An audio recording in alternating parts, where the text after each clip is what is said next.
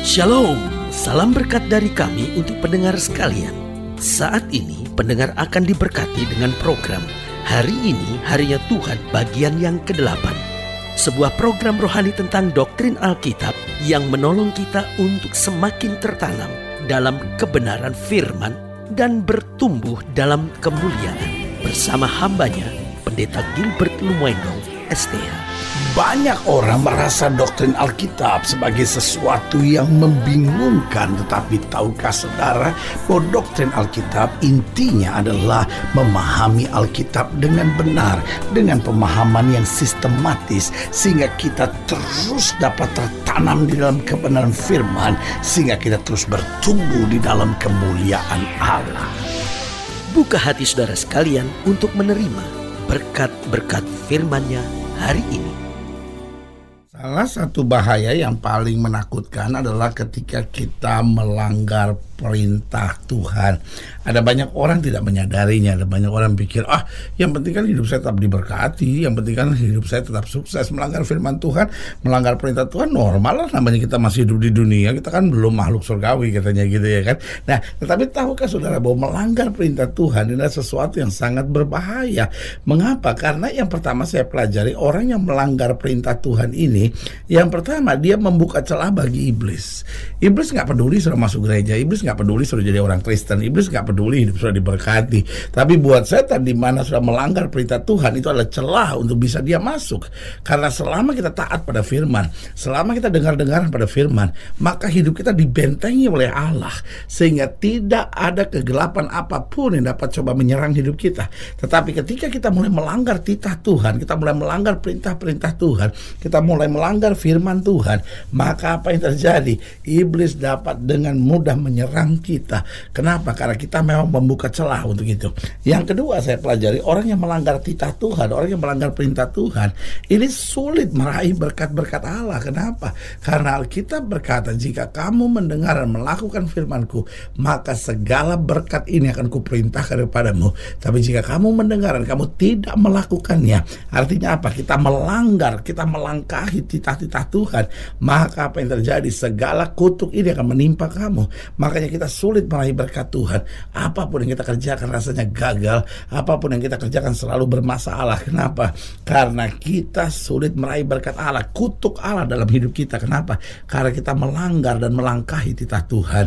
Yang ketiga saya pelajari Orang yang melanggar titah Tuhan atau perintah Tuhan Hari-harinya makin jauh makin jauh dari Tuhan.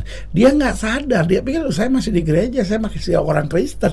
Tetapi hidupnya makin hari Makin hari Makin hari Makin jauh dari Tuhan.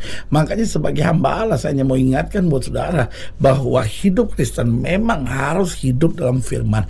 Karena kekristenan tanpa menjalani perintah Tuhan Hanyalah kepalsuan dan kemunafikan belaka. Dan yang keempat saya pelajari Orang yang melanggar titah Tuhan Tuhan, orang yang melanggar perintah Tuhan akan selalu hidup dalam ketertekanan, selalu hidupnya penuh dengan air mata, hidupnya penuh dengan ketertekanan, kekecewaan, kebosanan, kejenuhan.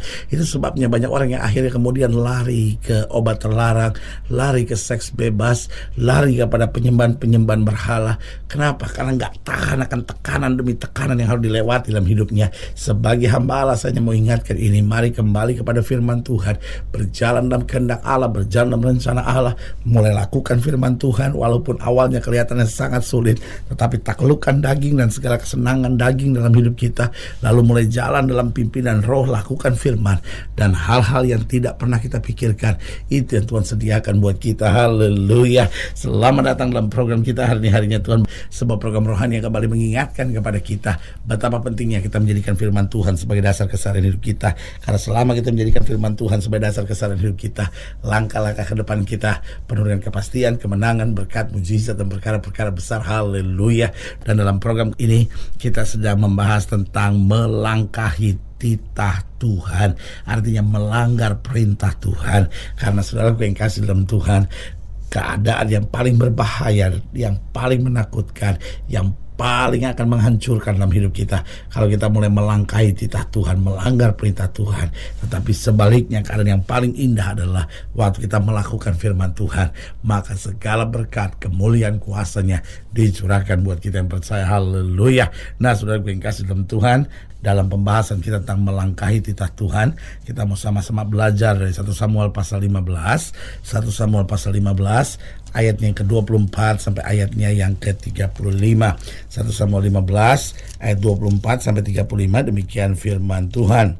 Berkatalah Saul kepada Samuel, Aku telah berdosa sebab telah kulangkahi titah Tuhan. Lihat, berkatalah Saul kepada Samuel, aku telah berdosa sebab telah kulangkahi titah Tuhan. Lihat, persoalan dari Saul di sini.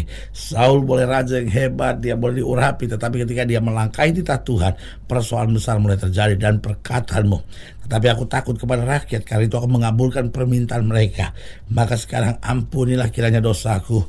Kembalilah bersama-sama dengan aku. Maka aku akan sujud menyembah kepada Tuhan. Tetapi jawab Samuel kepada Saul, Aku tidak akan kembali bersama-sama dengan kau. Sebab engkau telah menolak firman Tuhan. Sebab itu Tuhan telah menolak engkau sebagai raja atas Israel. Ketika Samuel berpaling hendak pergi, maka Saul memegang puncak jubah Samuel tetapi terkoyak. Kemudian berkatalah Samuel kepadanya, Tuhan, telah mengoyakkan daripada jabatan Raja atas Israel pada hari ini dan telah memberikannya kepada orang lain yang lebih baik daripadamu. Lagi sang mulia dari Israel tidak berdusta dan ia tidak tahu menyesal sebab ia bukan manusia yang harus menyesal. Tapi kata Saul, aku telah berdosa. Tetapi tunjukkanlah juga hormatmu kepadaku sekarang di depan para tua-tua bangsaku dan di depan orang Israel. Kembalilah bersama-sama dengan aku. Maka aku akan sujud menyembah kepada Tuhan Allahmu. Sesudah itu kembalilah Samuel mengikuti Saul. Dan Saul sujud menyembah kepada Tuhan.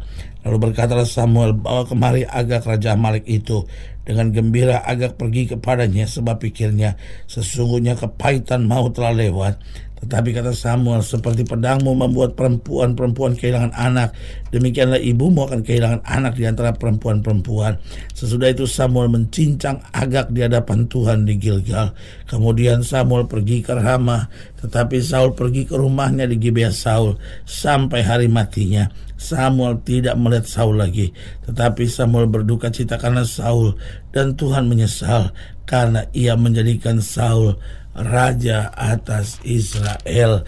Nah, saudaraku yang kekasih dalam Tuhan, kita perhatikan di sini bagaimana agar kita tidak melanggar titah Tuhan. Sebetulnya Saul mencintai Tuhan, tetapi karena dia takut kepada rakyat, karena dia merasa terjepit, akhirnya dia menghalalkan segala cara dan dia buat tindakan yang sangat berbahaya, yaitu melanggar perintah Tuhan. Nah, pertanyaannya, bagaimana supaya kita tidak melanggar perintah Tuhan apa pun yang terjadi?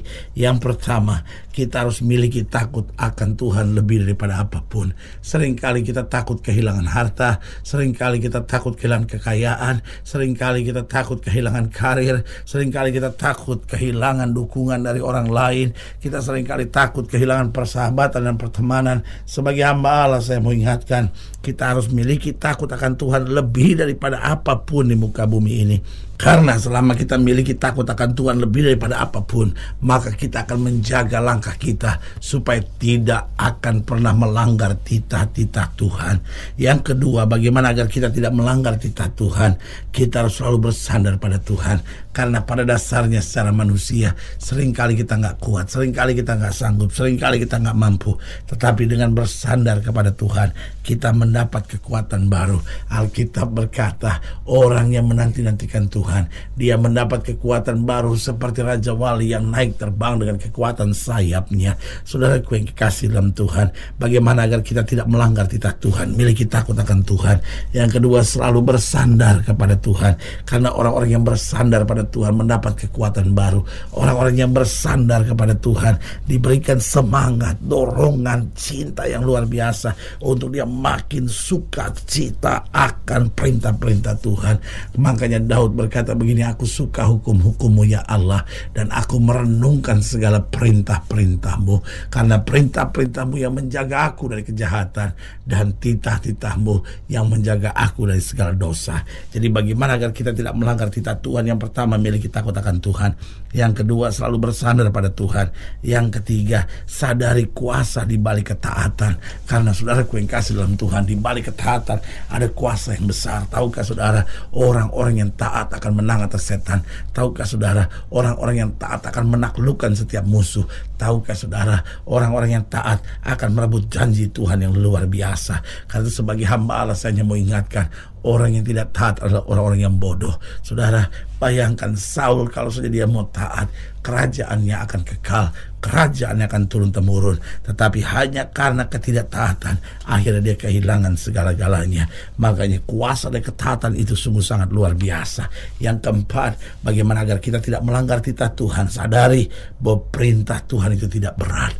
Salah satu dusta iblis adalah bahwa perintah Tuhan itu berat. Salah satu dusta iblis adalah bahwa kita tidak mampu melakukan titah Tuhan. Kita nggak mampu melakukan apa yang Tuhan perintahkan karena terlalu berat. Tetapi saudara saudaraku di dalam Matius pasal 11 ayat 28 Yesus berkata mari kamu yang letih dan berbeban berat aku akan beri kelegaan kepadamu. Lalu Yesus kemudian berkata belajarlah daripadaku sebab aku lemah lembut dan bebanmu pun ringan. Saudaraku yang kasih dalam Tuhan. Jadi perintah Tuhan itu tidak berat. Alkitab bilang perintah Tuhan itu tidak berat. Apa yang membuat kita berat? Kalau kita mau setengah-setengah. Alkitab berkata kita nggak bisa mengabdi kepada dua Tuhan. Itu yang membuat kita kadang-kadang berat. Karena kita tak mau menikmati dunia dan mau menerima berkat Tuhan. Hari ini kita harus putuskan kepada siapa kita mau beribadah apa jalan yang harus kita mau jalani. Kalau kita mau jalani dalam terang Tuhan dan kehendak Tuhan lewat kuasa roh kudusnya, maka ini yang saya mau bilang, perintah Tuhan tidak berat kehendaknya akan makin nyata dalam kehidupan kita masing-masing. Haleluya. Saudara kasih dalam Tuhan, saudara yang ingin didoakan lebih jauh, hubungi kami melalui telepon, hubungi kami melalui surat, kunjungi website kami, karena kami ada untuk membawa Bapak Ibu saudara senantiasa lebih dekat pada Tuhan dan mengalami kasih kuasa mujizat yang luar biasa. Haleluya. Secara khusus melalui program ini juga saya mau berdoa buat siap yang sakit, siap yang berbeban berat, karena saya percaya bahwa bagi Allah tidak ada perkara yang mustahil. Nah, saudara-saudara yang didoakan secara khusus boleh taruh tangan kanan sudah tidak ada. Dan kita akan berdoa. Mari kita berdoa Bapak dalam nama Yesus hamba doa buat yang sakit, hamba doa buat yang berbeban berat, hamba doa untuk setiap mereka yang sedang menghadapi masa-masa yang sukar karena hamba percaya bahwa bagi Allah tidak ada perkara yang mustahil. Bapak hamba berdoa di dalam nama Yesus Tuhan jamah yang sakit Tuhan sembuhkan, yang lemah Tuhan kuatkan, yang susah Tuhan hiburkan, yang jatuh Tuhan angkat sehingga hari-hari yang penuh kemenangan boleh berlaku. Hamba doa di dalam nama Yesus Tuhan jamah mereka yang taruh tangan kanannya tidak ada karena mungkin sedang melangkahi titah Tuhan, karena mungkin sedang jauh dari Tuhan dan sering kali hidup dalam ketidaktaatan. Tuhan jamah dalam nama Yesus Yesus sehingga kami menjadi ciptaan yang baru yang lama berlalu. Sesungguhnya yang baru sudah terbit. Di dalam nama Yesus kami berdoa. Haleluya. Amin Saudara yang kasih dalam Tuhan kita sudah berdoa. Ingat Allah tidak pernah lalai menepati janjinya.